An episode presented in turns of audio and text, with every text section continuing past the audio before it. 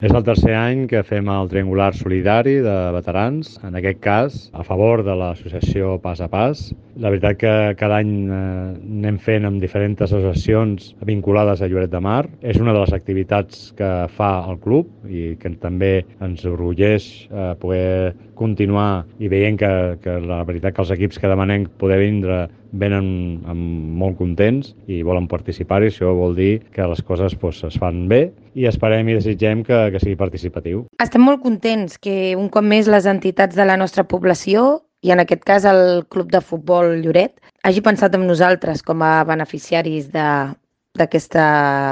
jornada. Perquè iniciatives com aquestes ens serveixen per seguir donant visibilitat a l'autisme i sensibilitzar el nostre entorn proper i, evidentment, doncs, ens ajuden a tirar endavant els objectius i els projectes que tenim a l'associació. Així que només ens queda doncs, animar-vos, animar tothom a que participi